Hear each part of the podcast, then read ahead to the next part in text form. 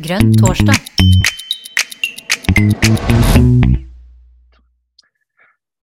Velkommen til Grønn torsdag. I dag er jeg Jon Lurås og Karina Ødegård i redaksjonen. Og Karina, i dag skal vi gjøre noe vi kanskje ikke har gjort før. Vi skal snakke om Jo, vi har snakka om verdier før, vi har vel det, men ikke sånn, eh, med, med, den, med den eh, tittelen som vi har putta på, 'Grønne kristne'. Ja, jeg syns det er veldig spennende, fordi eh, vi er jo et veldig verdibasert eh, parti. Eh, og mm. mange kristne, og muslimer for den saks skyld, eh, har jo en veldig verdibasert eh, tilnærming til eh, livet. Eh, så jeg tenker at det er et veldig interessant tema. Eh, også fordi at eh, definitivt så, så, vet jeg at i partiet vårt så har vi både de som definitivt ikke tror, og de som har, et, har en eller annen form for tro. Og det å være kristen, det er jo noe som har blitt veldig personlig eh, også eh, i løpet av de siste årene. Det er jo nesten mer problematisk å si at du er kristen enn at du er eh, f.eks. homofil eh, i noen settinger. Det er jo også et interessant eh, tema i seg selv.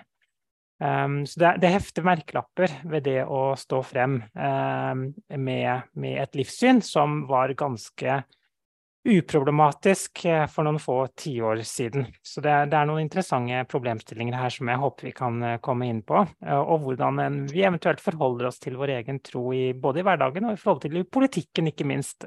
Det opplever jeg som et, et spennende tema. Så, så mm. det, dette her er for meg, Jon, det skal du vite, et høydepunkt. For jeg elsker å snakke om verdier, Jon. ja. Eh, nei, vi har med oss eh tre gjester. Harald Moskevil, eh, Katrin Janøy og Hildegunn Seip. Og de har jo eh, hver sine koblinger opp mot denne problemstillingen. Eh, Harald Moskevil, som da er toppkandidat nå til fylkestingsvalget i Vestfold.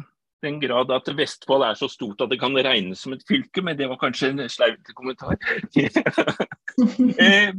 Harald har jo vært på Grønn torsdag før, og på en av disse Grønn torsdagene han var, så nevnte Harald eh, at han da hadde menighetsbakgrunn.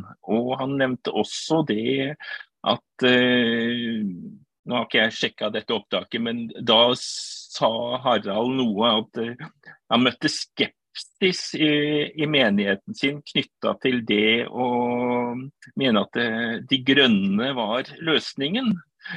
det var kanskje litt voldsomt uh, ordet, men uh, kan du fortelle litt om det, Harald? For det var, det var, det som vekte min interesse for det her. Egentlig, den ligger litt lenger tilbake igjen, men uh, fall, det, det, var utslagsgivende for å plutselig kjøre en grønn torsdag knytta til dette.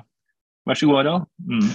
Jo, takk. Eh, spennende å, å, diskutere dette temaet. Eh, jeg har vært veldig åpen eh, i politikken om at jeg er kristen. Det har stått på min politikerprofil på Facebook. Det har stått i brosjyrer som har delt ut i forbindelse med stortingsvalg eller, eller fylkestingsvalg. Så jeg har vært veldig åpen med det.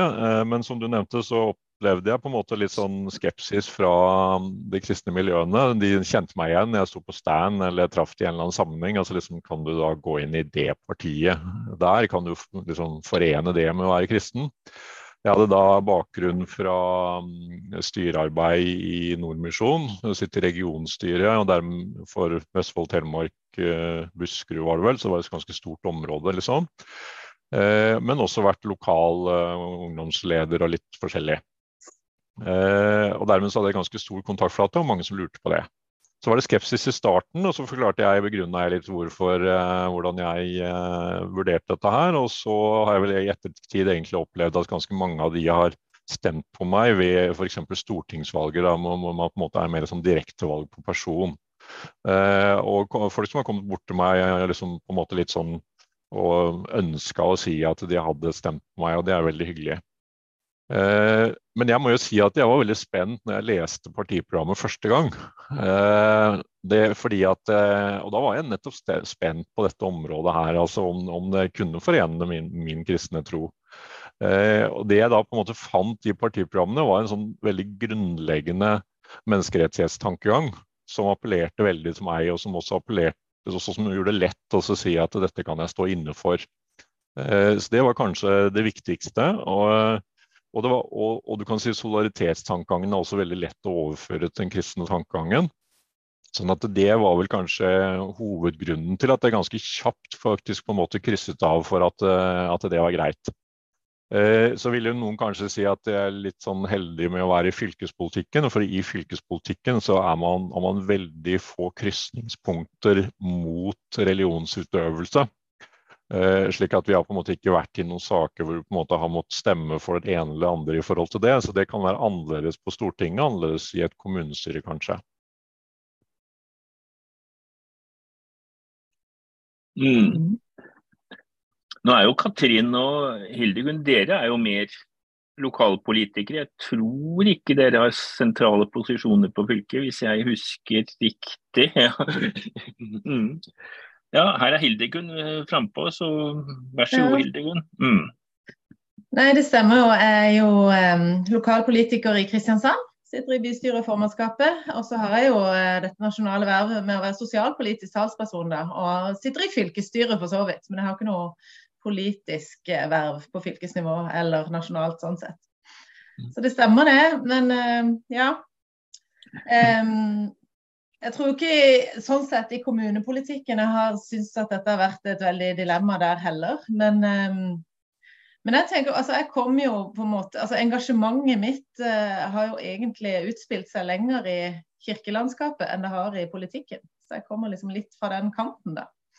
Selv om, selv om jeg fikk jo Jeg oppnådde jo et, et, av høydepunktene i min politiske karriere så langt. Det var jo når Sylvi Listhaug raste mot noe jeg hadde gjort. Det er jo et morsomt sted å komme til, men det var jo når jeg hadde vært med og skrevet forbønner eh, for klimatoppmøtet Eh, og så oppdaga da Listhaug eller noen i Frp at jeg også var MDG-politiker. Men da kunne jeg jo på en måte Mitt svar var jo at ja, men jeg var jo i kirka først. Så det er jo ikke sånn at jeg kom fra MDG og skulle inn og skrive, skrive en liturgi for kirka sånn utenfra.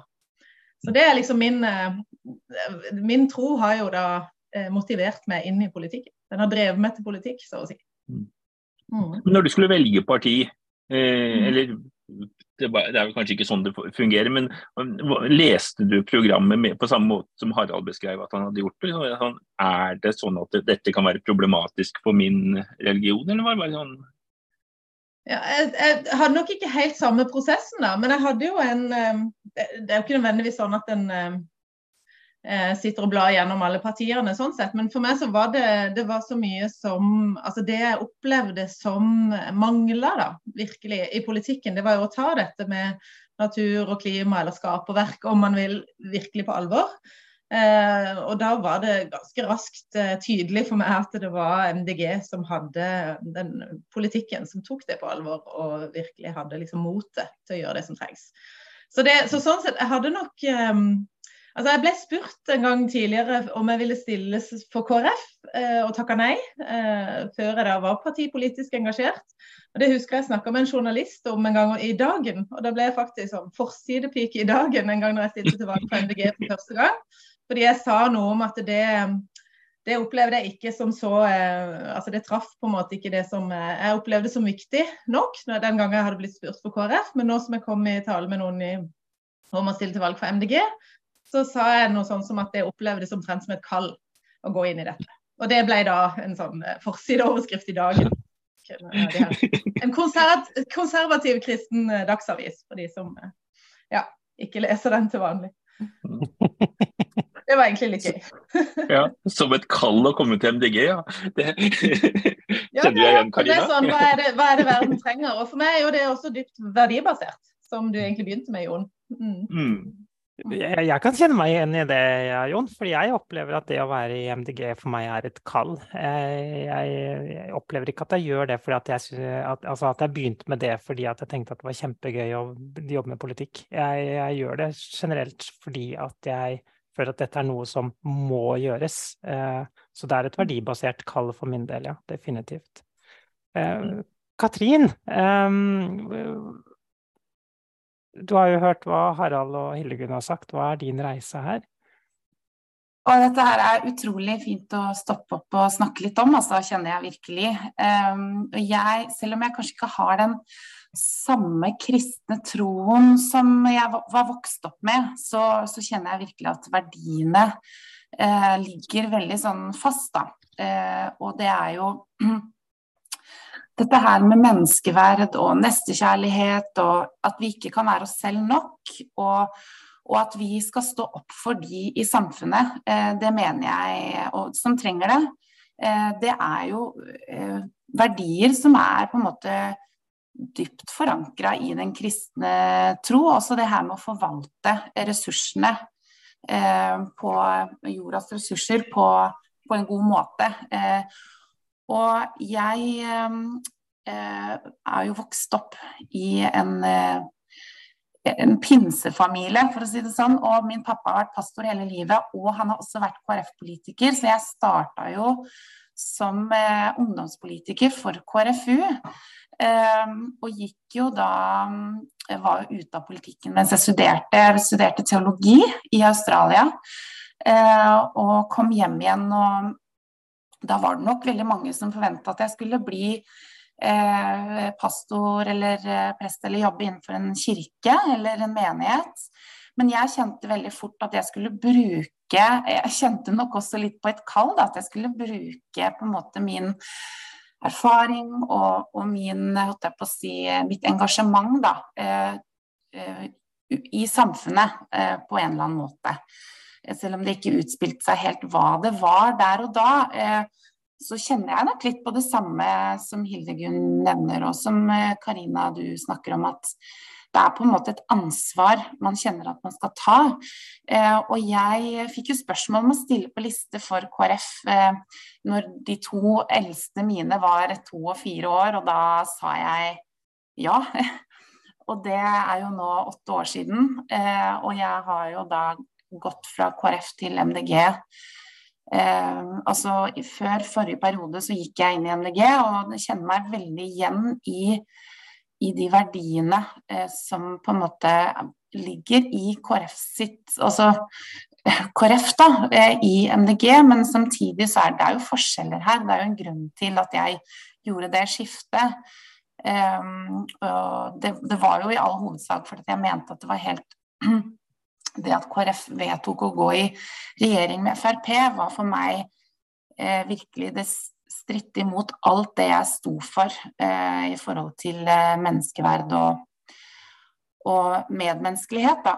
Um, og da eh, kjente jeg at da da var jo MDG mitt andre valg, eh, og jeg hadde fulgt godt med på MDG eh, i mange, mange år. Eh, og jeg kjente meg veldig igjen i natur, altså dette med naturvern. og kunne ikke skjønne hvorfor vi ikke skulle stå sammen med MDG og stemme imot store motorveiprosjekter. og Det var på en måte litt sånn Jeg kjente den dragningen. Og så kjente jeg nok også at det, jeg som menneske hadde utvikla meg med åra. At, at, det ble litt for trangt rom, litt for lite takhøyde. Men at i, i, et parti som skal på en måte favne alle typer mennesker, så er vi nødt til å kunne ha uh, åpne, gode diskusjoner, og at det, dette her må på en måte være forsiktig med å blande politikk og religion, er jo også noe jeg kjente på var viktig for meg. Mm. Og derfor så blei jo MDG et veldig naturlig valg. Um, og jeg kjenner meg veldig hjemme i MDG og har um, opplever at det er en takhøyde for alle Altså, vi er veldig mange ulike religioner, livssyn uh, og holdt jeg på å si, ulike minoriteter som samler seg i KrF. Det er et stort, nei, MDG. Det er et stort mangfold i MDG som jeg opplever er Det er veldig sånn kristent, da. mm. Jeg, jeg registrerte at du sa uh valg Jeg trakk inn Frp her, men Frp med Sylvi Listhaug også framstår jo også da som veldig kristent. Eller i hvert fall da Sylvi Listhaug, hun går jo med kors og eh, sånn, men, men, du står da på en helt annen kristen retning. Men, eh, men, den, den pinsemenigheten du vokste opp i, den er vel da mer på Listhaug-linja, eh, hvis jeg tolker dette riktig? Eller er er jeg nå jeg, jeg, er jo nå ikke-kristen her, så jeg har ikke helt den innsikten som dere andre har her. Ja, altså jeg... Nå var du god til å trå varsomt, Jon. Det skal du ha kred for. Eh, vær så god, Jeg kan jo kommentere kort. for Jeg tror, nå, jeg tror det du gjør nå, Jon, er å gå litt for fort inn i å blande faktisk politikk og religion igjen. Passer mm. pinsevenner inn i Frp, eller hvor passer de inn? Det, det kjenner jeg at det er faktisk eh, ikke det, det på en måte som er mitt utgangspunkt heller. Men jeg tenker mm. at det, at Sylvi Listhaug går rundt med korset rundt halsen, det er symbol. Det er et symbolsk eh, Men hva man gjør i handling, og hva man gjør i praksis, er det som er viktig eh, for mm. meg. Um, sånn verdimessig. Og det er det jeg opplever at MDG er ikke opptatt av å, bytte, å, dytte og fremme masse symboler uh, for ulike religioner. ikke sant? Og favorisere ett Eh, symbol framfor det andre. Eh, mens det er mer det Listhaug gjør, da. Ikke sant? Listhaugs Frp. Hun tar på seg korset, eh, og, men ja, da opplever jeg at det er av symbolsk verdi, og ikke noe som faktisk betyr noe i politisk Altså praktisk politikk, da. Mm. Hvis jeg kan få lov, lov til å kommentere det. Det vil si, jeg ja. fant ikke noe sånn hand, hands up her. Ja, under reaction så mangler jeg den. Men hvis jeg får lov til å kommentere det, så er jeg helt enig med Katrine når det gjelder Listhaug. Altså hun, altså hun, bruker det som et veldig bevisst uh, symbol, og hun bruker det rett og slett for å prøve å, å, sanke velgere i en konservativ uh, gruppe uh, som, hun på måte, som, som, hun snakker direkte til. Hun reiser f.eks. rundt på stevner, selektivt på stevner osv. Så, videre. så hun spiller ganske mye på dette. men men det som uh, synes var interessant med det Katrine sa om, om, um, om for så vidt takhøyde og religionsfrihet og sånn, eller religionsfrihet er viktig for meg. Uh, og det gjør partiet veldig bra. Uh, og det skal partiet også fortsette å gjøre bra, for å si det sånn. Det er noe å kjempe for. og det er jo på en måte det er jo det som gjør at vi kan være kristne og muslimer og forskjellige religioner sammen i Miljøpartiet. og det er veldig viktig. Så har jeg veldig lyst til å egentlig snakke om en annen ting, og det er jo eh, Jeg har latt meg fascinere flere ganger om å analysere hvem Jesus snakka med. Han mm. snakka konsekvent med feil folk mm. i sin samtid. Eh, og det, det, kan vi overføre til mangfoldet som vi lever etter i partiet. Eh, for du kan si Det han gjorde, var at han snakka med spedalske. De var det jo ingen som i utgangspunktet ønska å snakke med. Han snakka med okkupasjonsmakten. Det var jo på en måte verste sort. Eh, han snakka med kvinner, eh, som han da sa at du har ikke hatt én mann, men flere menn. men han dømte ikke. han oppsøkte jo kvinnene på et tidspunkt hvor kvinnene gikk fordi da var det ingen andre som så dem. han snakket med samaritanere. Han inviterte tollere. altså sånn tråden er at han per definisjon snakka med feil folk i forhold til sin samtid. Mm. Eh, og det syns jeg på en måte er en sånn, det er en sånn si, læreretning for oss. Altså, hvis vi gjør det samme, så utøver jo da faktisk Miljøpartiet sin politikk. Eh, og Jesus viser jo da på en måte solidaritet hele veien. Altså han, han tok seg tid, og han brydde seg om folk, uavhengig av hvor de folkene var plassert i det samfunnet som han levde i. Eh, og Det synes jeg er utrolig spennende, og, det, og dette kan vi overføre. Mm. Dette er utrolig spennende, Harald. Hildegunn, du vinket du med en finger. Ja, vær så god. Ja. Jeg syns også dette er kjempespennende. Altså, sånn, som, sånn, som, eh, når Jesus løfter fram den barmhjertige samaritan som et forbilde. Og så var samaritaneren en sånn Det var de andre. Det var en skikkelig sånn uglesett gruppe. Så det er veldig mye sånn moro å gå inn i her. Og jeg, hadde en, jeg har også studert litt teologi, da. sånn underveis. så, eh, og, og, gikk en gang gjennom sånn hvor ofte Jesus stiller spørsmål til folk. Altså ikke bare kommer med sånn ferdige svar eller proklamasjoner, men faktisk spør ja, hva, hva er viktig for deg, osv. Altså, sånn tidlig innbyggerinvolvering, skal vi kalle det det. ja. ja det og, og, her er det, tenker jeg, det kan være veldig mye å la seg inspirere av det. Og så tenker jeg at det er veldig viktig nå som både Katrin og Harald sier tydelig her, at det er jo ikke en sånn eh, at nå skal han inn og liksom bygge MDG på bibelfortellinger på en måte, eller på en eller annen altså, tro eller livssyn, da, men at en har åpenheten for at vi kommer med våre verdier. Og at jeg tror vi har noe felles i å, å brenne for noe som kanskje en kan kalle det ikke-materielt, eller altså noen andre typer verdier, da, som, der dette kan være en ressurs. Og, også når vi snakker med ulike grupper i samfunnet. da. Men det er jo ikke sånn én-til-én med religion og politikk, som jeg var veldig tydelig her, i forhold til sånn hvilke typer kristne stemmer på hvilke partier sånn heller. Men det, det tror jeg er ganske enig her. Og for meg er det viktig at vi er altså Religionsfriheten er kjempeviktig, og så at vi er et eh, kanskje ikke livssynsnøytralt, men livssynsåpent parti der er det en nyanse. For at det vært et livssynsåpent samfunn, som også har vært jobba med de siste årene. Det syns jeg er en, enda mer inkluderende, på en måte, for da slipper en til de ulike verdiene og perspektivene vi har med oss. Den, den, forskjellen der var veldig veldig spennende. Forskjellen på livssynsåpent og livssynsnøytralt. Det var veldig skarpt og godt eh, poengtert, eh, Hildegunn. Tusen takk. Eh, den kommer jeg til å ta med meg. Mm. Katrin? Ja, nei, Der må jeg si at jeg er helt enig med Hildegunn at vi skal stille oss som eh, et livssyns åpent parti. Eh, og så vil jeg bare si at Hvis Jesus hadde levd i dag, så tror jeg han ville stemt på MDG. sånn. Det er poenget mitt også. Ikke sant? Og, og det var Amen. Jesus da. Han var jo et forbilde, ikke sant? I, og han var en samfunnsengasjert eh, person. Eh, og han, bare det der med at han gikk inn, ikke sant, og på eh, De hadde marked, ikke sant, mm. på i Og han gikk og reiv ned markedene, ikke sant. Man skal ikke selge ting i på en måte der hvor man snakker om Gud, f.eks. det og at han talte imot fariseerne og de skriftlærde som kom med moralprekener. ikke sant? Eh, og han, eh, han, var virkelig eh, en sånn som sto opp imot alt som på en måte talte for si, at mennesker skulle stille seg over andre og se ned på andre.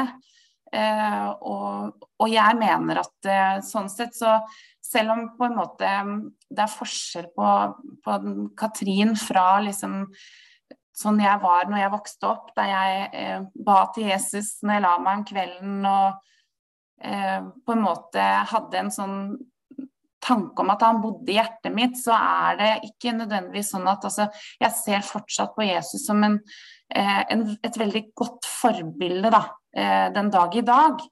Eh, og jeg tror at han kan være et godt for, forbilde for oss alle, selv om vi ikke har en kristen tro også.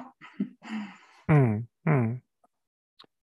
Ja, og, og jeg, jeg, kjenner jo også på Det er så mange andre fine bilder i, eh, som, som, Jesus har kommet med, da, som, som eh, opp, jeg bruker nesten daglig til egen veiledning. Altså f.eks. noe så enkelt som at du, skal uh, skue Altså vurdere tre ut fra det, de fruktene det bærer, ikke hvor vakkert det ser ut. Det er, tenker jeg er noe å alltid ta med seg. fordi er det noe mange politikere er flinke til, så er det å få dette treet til å se veldig stort og flott ut. Men spørsmålet som jeg stiller meg da, og som jeg håper flest mulig også stiller seg, er ja, dette ser bra ut, men hva bidrar det egentlig til? Hva, hva blir konsekvensen av dette? Vil, vil, de fruktene her egentlig smake noe særlig godt?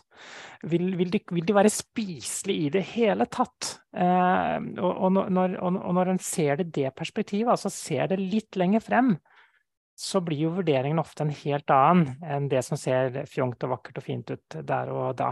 Og det tenker jeg er, er, det er veldig mye visdom i den lignelsen der, for å si det sånn.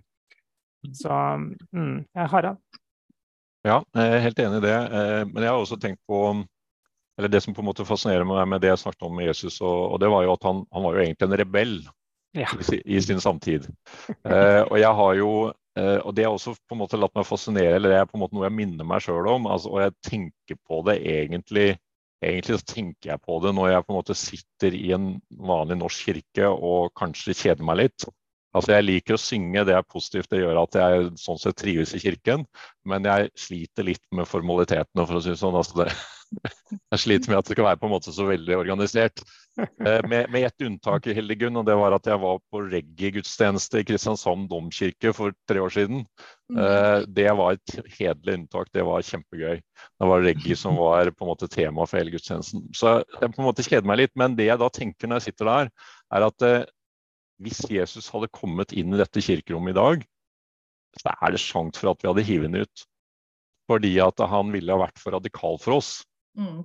Eh, og det er, det er, også noe som på en måte jeg bruker litt energi på å tenke over, og som vi kan ta med oss inn i MDG. Og som jeg tror at dere har rett når dere sier at han hadde passa inn i MDG. For det er noe med denne rebellen. altså Det er noe med at vi ikke aksepterer at samfunnet fortsetter i et spor som noen har bestemt fordi de skal f.eks. tjene penger på det. Mm.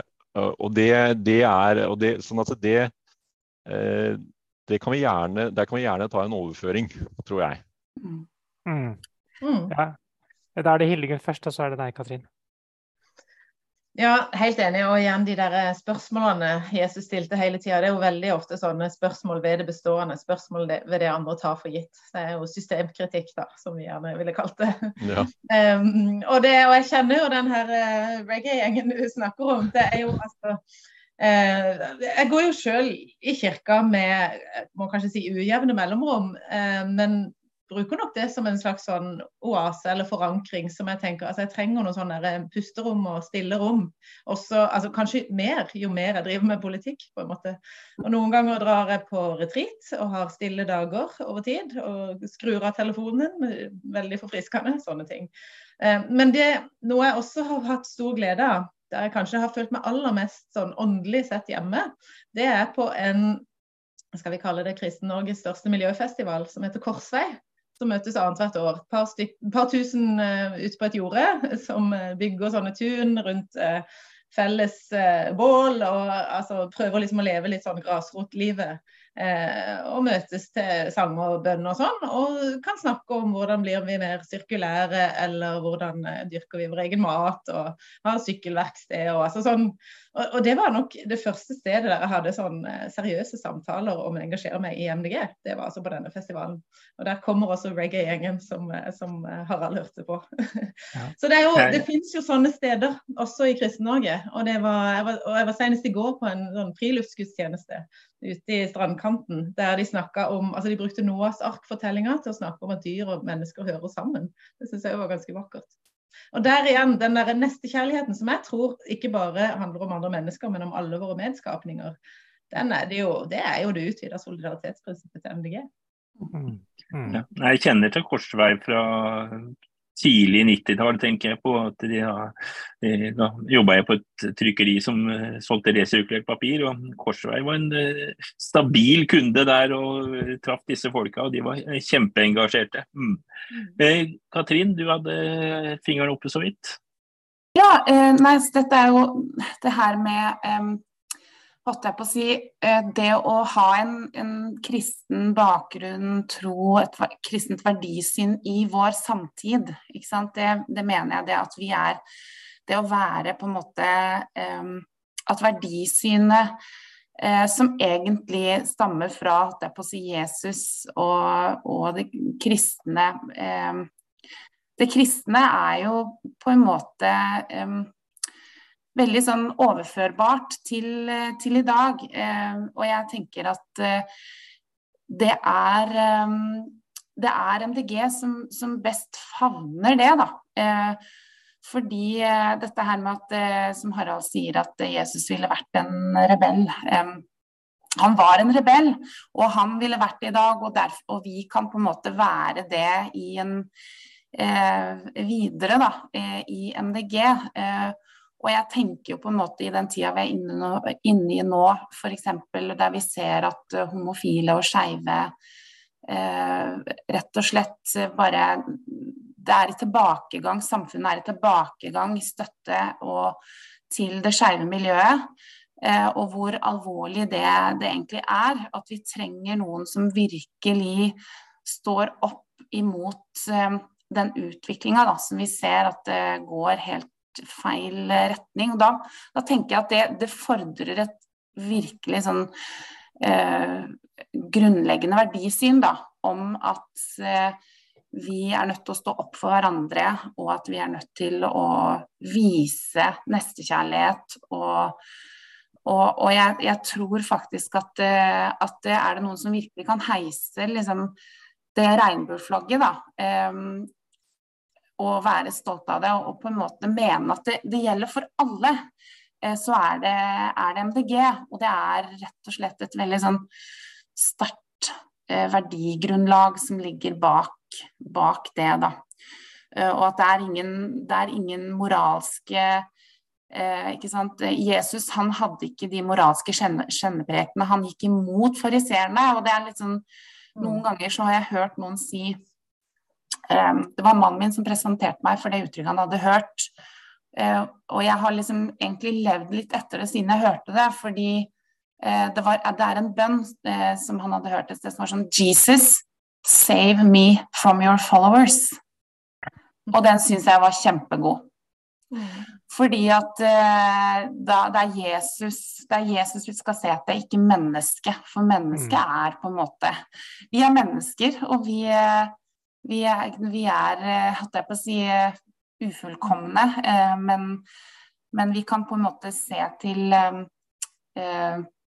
Se til Jesus, da. Og sånn som han levde. Mm. Mm. Ja, og der er du jo inne på noe kjempeviktig, Katrine. Også i forhold til det her med å stå opp for skeive og for regnbueverdiene og sånn, så er det jo noe med å være obs på at, eh, at, religion kan brukes til mange ting. Religion kan også misbrukes til mange ting. Um, og vi var jo for så vidt litt inne på i stad, sånn som når eh, altså jeg tenker også sånn Når da Listhaug er rundt og skal hanke inn konservative velgere med å spille på visse verdier, så det, noe av det en tapper inn i dag, det er jo den der motstand mot endring. Sant? Altså sånn kan ikke verden bare være som den var før, og sånn. Eh, og, og, der tenker jeg at det er, det er, jo liksom ikke de mekanismene en skal la seg inspirere av. Men altså, så det er jo det, det, der tenker jeg at Når jeg snakker også med andre altså partifeller i MDG som kanskje er mer skeptiske til religion, så er det jo noe med at det, det, er, kan jo være gode grunner til, siden det kan eh, både misbrukes til å Eh, skille mellom folk, ekskludere andre, og også sånn holde på en eller annen idé om, eh, om eh, at samfunnet bør være som det var før. Altså det, det, men der tror jeg det er mange sånne psykologiske mekanismer òg, da, som slår inn. Men, men, her er vi inne på, på noen, noen, noen, spennende felt her, og som vi har vært toucha inn på nå. Det er dette med verdier og kanskje også moral i samfunnsdebatten. Burde vi vært flinkere til å, til å, å snakke om det som, som, eh, som, et parti. Altså at, at, MDG i større grad kan snakke om hva som er moralsk rett, uten å på en måte kanskje komme med den, da. Uh, men i hvert fall snakke om verdier, da. Det, det, er lettere å gjøre uten å komme med den. Um, altså er det, er, det, er det, noe vi burde vært enda flinkere på enn det vi er? Hva tenker dere om det? Det er jo en sånn nøtt, det der. Um, for vi tenker jo, vi driver jo gjerne med det vi gjør fordi vi tenker at det finnes noe som er rett og galt. Og vi vil ikke mm. ødelegge for kommende generasjoner og sånn. Og det er jo et, eh, et moralsk ansvar. Og samtidig så er det jo veldig lite, veldig lite populært og ofte veldig lite konstruktivt hvis det blir oppfatta som en sånn eh, pekefingerparti. Og det mm. fikk jo vel kritikk for i vårt land nå sist etter dette landsmøtet som vi hadde og det, Den irriterte meg egentlig litt. Eh, for det var sånn, De hørte ikke helt hva vi sa, følte jeg. Sant? Men hadde en idé om at det var det vi drev med, med sånn pekefinger. Men jeg likte jo et innlegg som Lan hadde i Vårt Land for noen år siden, der hun skrev eh, i forhold til det med moralsk pekefinger at kanskje vi trenger mer etikk og moral i politikken, ikke mindre. Og så snur litt på det og går inn i det verdibaserte. Så jeg skulle ønske vi fant et godt språk for det der, altså. Men um, mm. ja, det er noen sånne grøfter å gå i. Men, uh, og så tenker jeg Vi må ha gjort noe rett hvis vi får, hvis vi får eh, kjeft fra vårt land på at vi har for høy moralsk pekefinger. Eh, det ligger en eller annen sånn festlighet i det. Ja. Mm. Men eh, det er jo verdi og moral i alt vi gjør. Altså, eh, også det å dra til Syden og Altså, det er jo en Det er jo ikke fravær av verdivalg. Eh, og det å løfte fram det, at det også er et verdivalg, altså eh, nøyaktig hvilken verdi det er, det kan sikkert diskuteres, men i hvert fall det friheten til å. Eh, ikke bry deg om andre, hvis det var, det var litt feil formulert, kanskje, men har du begynt å ro, Jon? dro det litt langt, ja. Mm. Men eh, ja, eh, jeg, jeg, har jo diskutert eh, Eller hatt god dialog med en lokal biskop her oppe noen år. og jeg, jeg, Selv om jeg da ikke er i kirken og sånn, så har jeg sagt til kona mi hvis jeg plutselig dør, så må du få hun biskopen til å holde tale i min, min begravelse. For vi, så, vi har så mye felles. så jeg syns det er kjempespennende. Mm. Men eh, jeg tenker jo at vi jeg, jeg, tror at vi har noe å tjene på å snakke enda tydeligere om verdier. Altså, for det, det betyr mye for folk. Eh, og så um, er det jo da den balansen som dere var inne på. Det, eh, mindre, eh, litt mindre pekefinger, men tydeliggjøre hvilke verdier vi gjør. Nå til helga så er det første gang i verdenshistorien at det er pride i Løten. Så da er det kommet hit også, på bygda. Gratulerer med det, Jon. Mm. Gratulerer med det. Eh, Harald løftet opp eh, sin hånd her i stad. Ja, ja. Eh, ja, nå er det mange forskjellige ting her. Apropos pride, da, så tror jeg nok altså, Jesus snakka også om med de skeive, men det står det da jeg veldig lite om i Bibelen. Men jeg er overbevist om at han gjorde det. og derfor skal vi også gjøre det. men ellers tenker jeg dette med solidaritet eller verdier, altså det som, det som kanskje er vår jobb, er jo faktisk å, å forklare litt mer da, hva vi egentlig mener. Eh, fordi vi ser at veldig mange beslutninger som blir tatt rundt oss, er jo egentlig så er de utelukkende økonomiske. Altså man tar økonomiske valg, og så, og så, og så går dette utover både naturen og det går utover mennesker. Eh, men, men, så er det liksom bare økonomien som styrer, sånn at da må vi gjøre valgene likevel. Men der er jo et paradoks. da, altså Vi snakker om å ta vare på skaperverket, og det kan på en måte argumenteres som en en viktig grunn til at det også er symmetri mellom eh, det å være kristen og det å være MDG. Men det er jo et paradoks der, og det er at uh, kristendommens frammarsj uh, svekka jo naturreligionene. Og svekka da vår respekt for naturen. Eh, fordi at da var det plutselig ikke naturen lenger som var hellig, da var det noe annet som var hellig. og der er det for de hadde en enorm respekt, og der har vi på en måte en jobb også på en måte få dette tilbake igjen. Eh, jeg holdt et lite foredrag i en lokal menighet eh, sånn, eh, om dette her, hvor vi liksom snakka litt om om vi på en måte faktisk da forbruker naturen altfor mye. Fordi vi har glemt altså Vi har på en måte nærmest havna i opposisjon mot naturreligionene. Eh, så Der har vi, litt, har, vi, har vi, ganske mye å lære. Ellers er jeg også opptatt av at eh, eller det går jo litt på det samme, at når det var snakk om her livssynsåpent samfunn. Så tenker jeg at det, det, er veldig synd hvis vi på en måte Hvis vi liksom skal fjerne, kall du si, den religions... Altså tenke at vi skal liksom nøytralisere religionsutøvelsen. Det er jo på en måte helt feil i forhold til vårt fokus på at det er ikke det materielle som er viktigst. Det er mm. andre verdier som er viktigere. Og i de andre verdiene der passer religionen inn. Det er litt det samme argumentasjonen jeg bruker når jeg prøver å snakke opp, eh, snakke opp kulturbudsjettet eh, i fylket. Jeg sier at Jo mer penger vi bruker på kultur, mer flytter vi fokuset for både utøverne og deltakerne i kulturaktivitetene bort fra det materielle. Eh, og, det, og det samme, noe av den samme effekten gjør også religion. Takk. Mm. Mm. Det, det, var også et veldig interessant perspektiv. Eh, hadde du hånden oppe i stad, Katrin? Nei, jeg tror jeg enn så lenge så hadde jeg ikke hånda opp på nytt. Ja, Eh, for mange år siden så var jeg en tur innom en ortodoks eh, kirke, en russisk-ortodoks kirke. For jeg, det å være i kirkebygg opplever jeg som en ganske fin opplevelse, stort sett. Da. Og der hadde de en utstilling av ikoner, for ikoner er jo er veldig viktig for, for, mange ortodokse.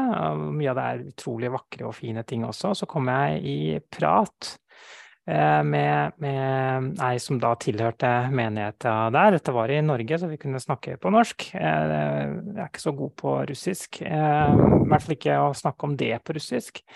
og, og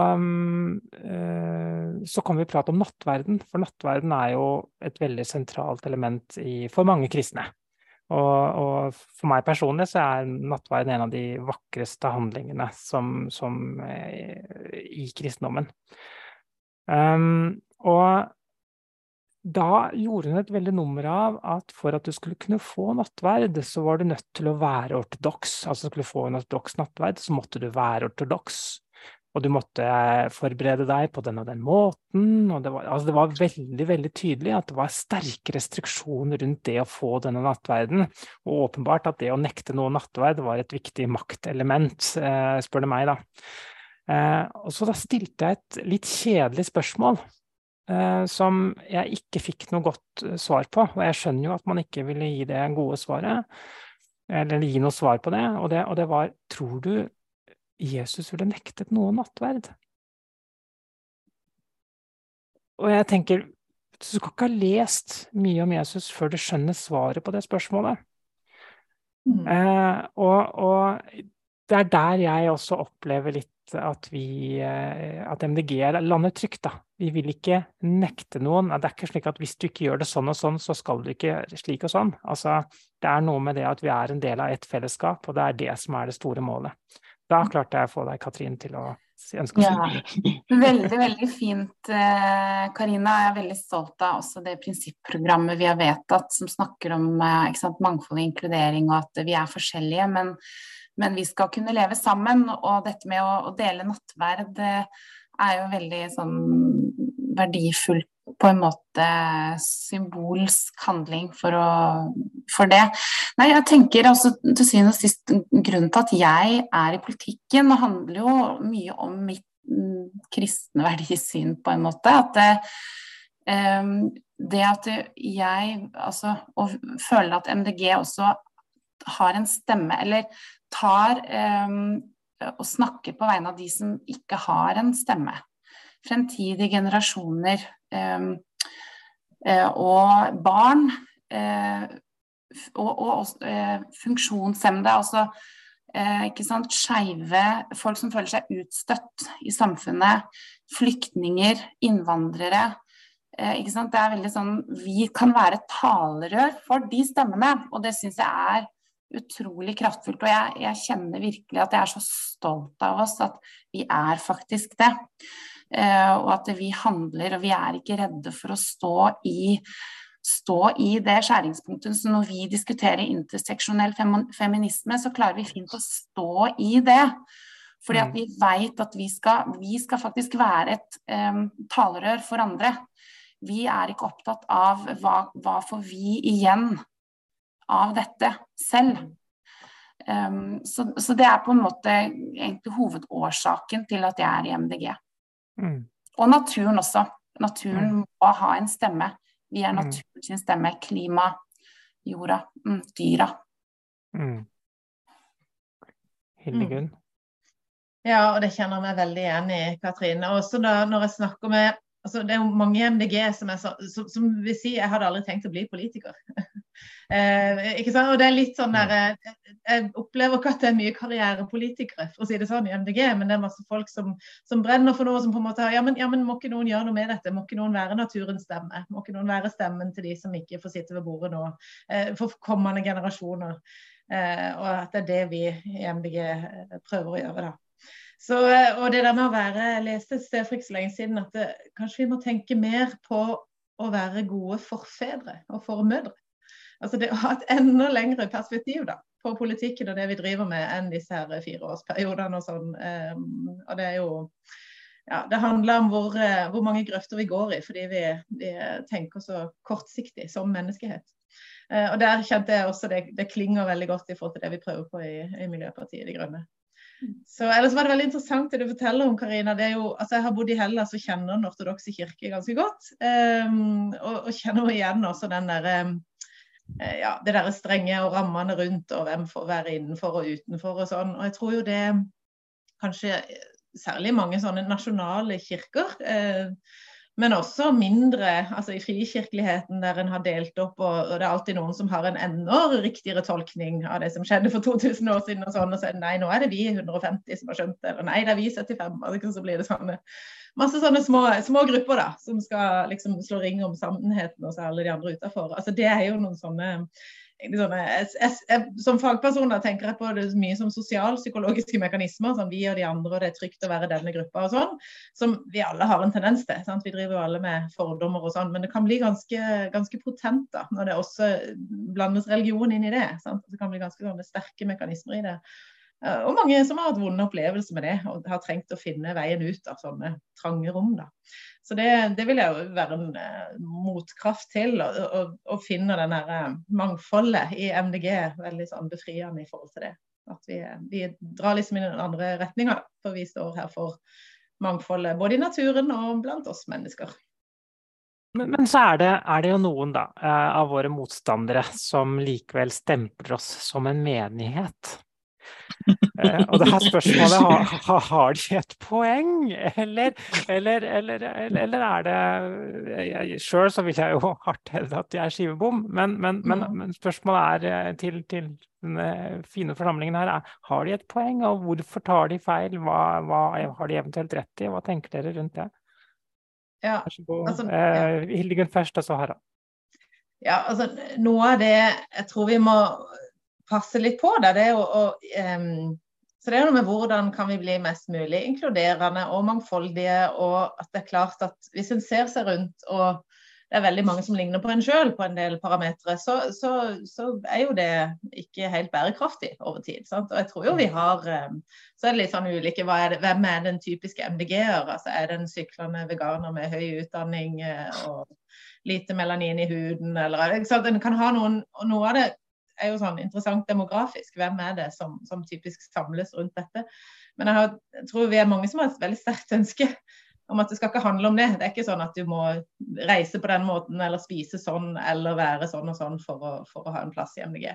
Det, og vi har jo veldig mye forskjellige folk som driver med ulike ting og har ulike bakgrunner. Men det, det, kan vi sikkert bare bli enda flinkere til å heie fram og løfte fram og, og få med mm. flere som ikke ligner på sjøl.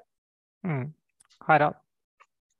Ja, Vi kan sikkert gjøre enda mer for å, å speile eh, samfunnet enda bedre, men min erfaring er jo at det, det de som ønsker å plassere oss som en menighet gjør, er at man snevrer inn veldig. Altså de, de har dannet seg et bilde av hvordan MDG-ere ser ut.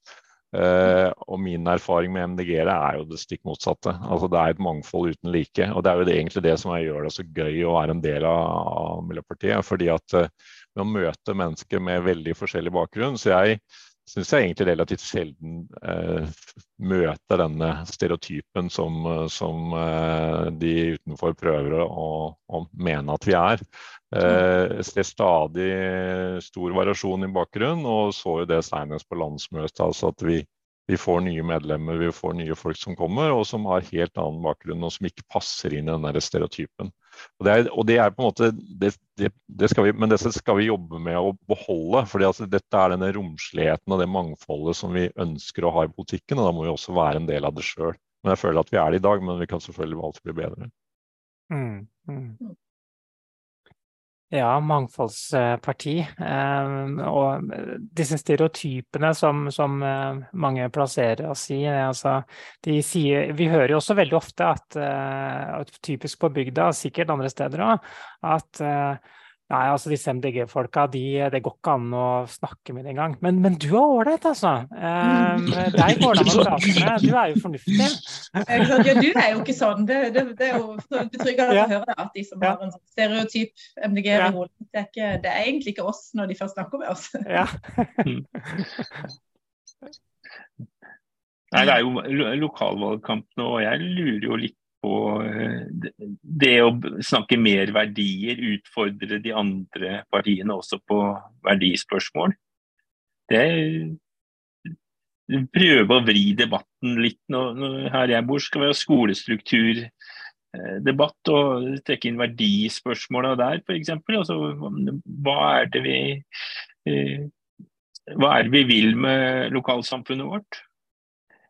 Mm. Hva er det hva er det som er viktig? Er det de, de folka som da bor på, i den og den skolekretsen eh, som blir ramma? Eh, hva vil det gjøre med livet deres? Mm. Eller er det sånn at det er eh, de røde tallene i kommuneøkonomien som da skal trumfe alt? Mm. Det er veldig interessant det du sier der med å, å, å løfte fram verdier enda tydeligere. Det tror jeg egentlig vi har mye å tjene på. Og Jeg fikk en assosiasjon også igjen ut fra det her nattverdseksempelet.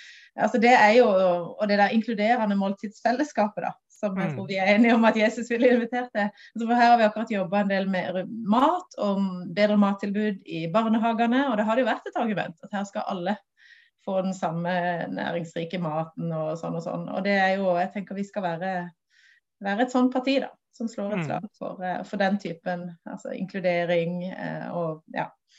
Og det er de ofte, altså folkehelsemiljø. Det der er litt sånn mer universelle perspektivet, faktisk. Det er ikke de pengeinteressene eller de utbyggerne eller de vi skal tenke lenger, og vi skal tenke enda mer inkluderende. Og det er det, der ligger det noen grunnleggende grønne verdier. Mm. Karina, nå går det mot slutten her. Skal vi la våre kjære paneldeltakere få en eh, sluttkommentar. For selv om dette er opptak midt på dagen, så det, det er møter i alle bauger og kanter her. Det er det. det, er det. Og, og, vi vet at det er noen som har litt dårlig tid. Jeg så at Katrine hadde en finger, så vi kan kanskje gi henne en mulighet for både å si det hun hadde tenkt å si, og eventuelt komme med en sluttkommentar. Eh, vær så god, Katrin. Jo, tusen takk Karina og dere andre for en kjempefin samtale. Jeg kom på apropos dette med skolemat så, så, var det en fra Frp som, som, uttalte i sist hovedutvalgsmøte som jeg leda eh, for oppvekst og utdanning eh, i Drammen, hvor vi har hatt et pilotprosjekt for skolematprosjekt. Eh, eller for skolemat på én skole eh, eh, i Drammen, i et område hvor det er mye levekårsutfordringer. Eh, og så snakka vi jo om det her, at vi er veldig dette er på en måte et tilbud som vi vil se flere steder. Og da sa han fra Frp at han syntes det var så søtt at vi fra, eh, som hadde vært i posisjon sammen, var så stolte av at vi hadde fått til et pilotprosjekt på, på, på eh, skolemat et sted. At det var liksom det vi snakka om som vi var kjempestolte av. Og så kjente jeg at jeg ble skikkelig provosert, og så sa jeg bare at eh, man skal virkelig ikke undervurdere den betydningen et, altså det gratismåltidet har hatt for de barna som har trengt nettopp det. Mm. Ikke sant? Og det er på en måte der Vi har ikke sett det. Vi har ikke sett noe avisoppslag på at det var en stor suksess. Eh, men det kan ha vært noen barn der som virkelig trengte det gratis måltidet. Eh, og da har vi gitt det. Og, og, kanskje ikke det er noe som vi kan stelle oss på en podium for å få masse gunst fra næringslivet eller få masse, masse stemmer på.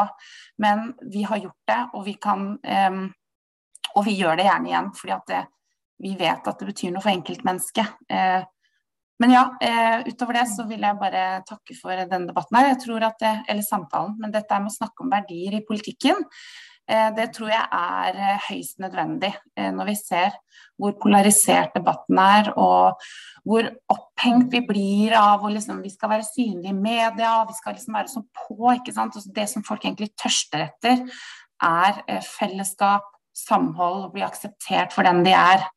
Og da kan vi stå opp for, for disse menneskene og disse verdiene.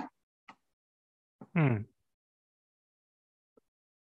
Harald, vil du si noen avslutningsord? Ja, bare takke for, Katrin.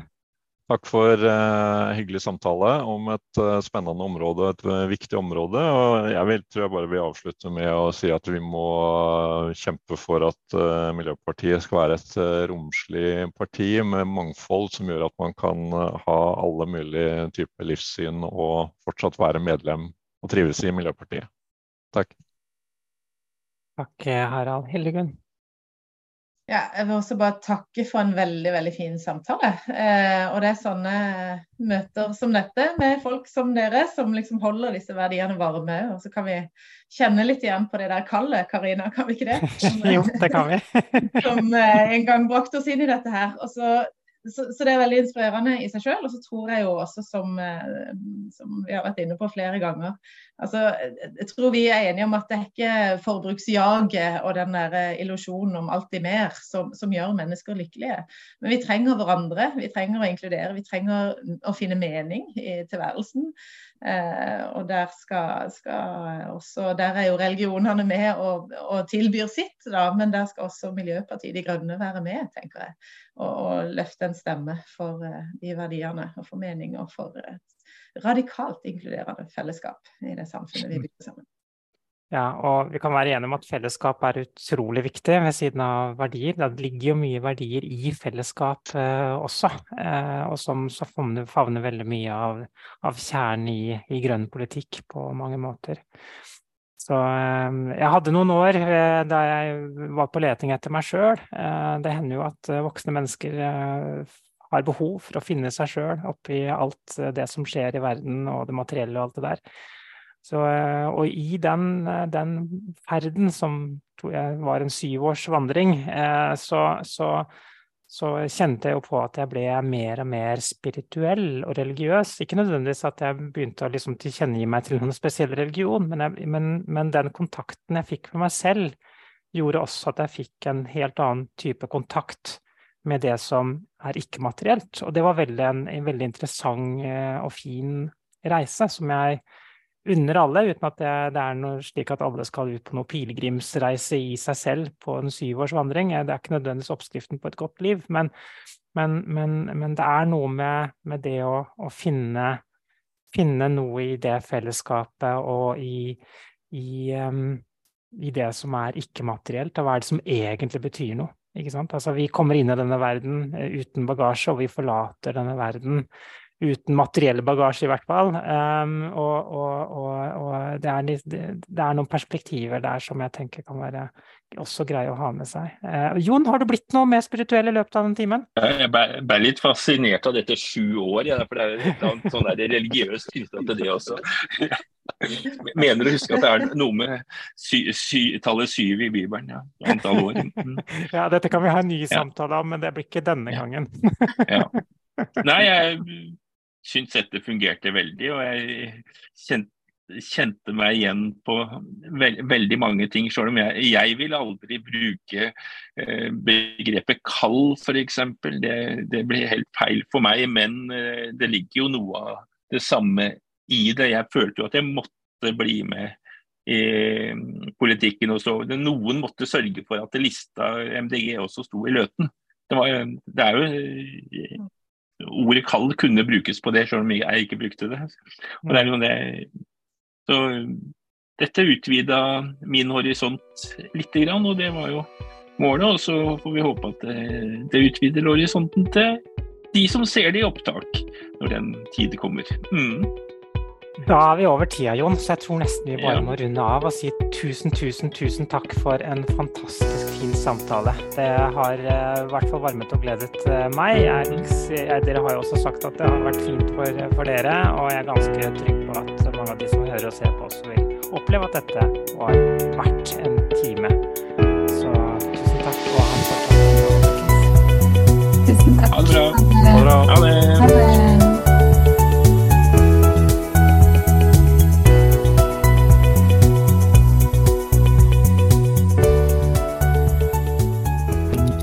Grønn torsdag.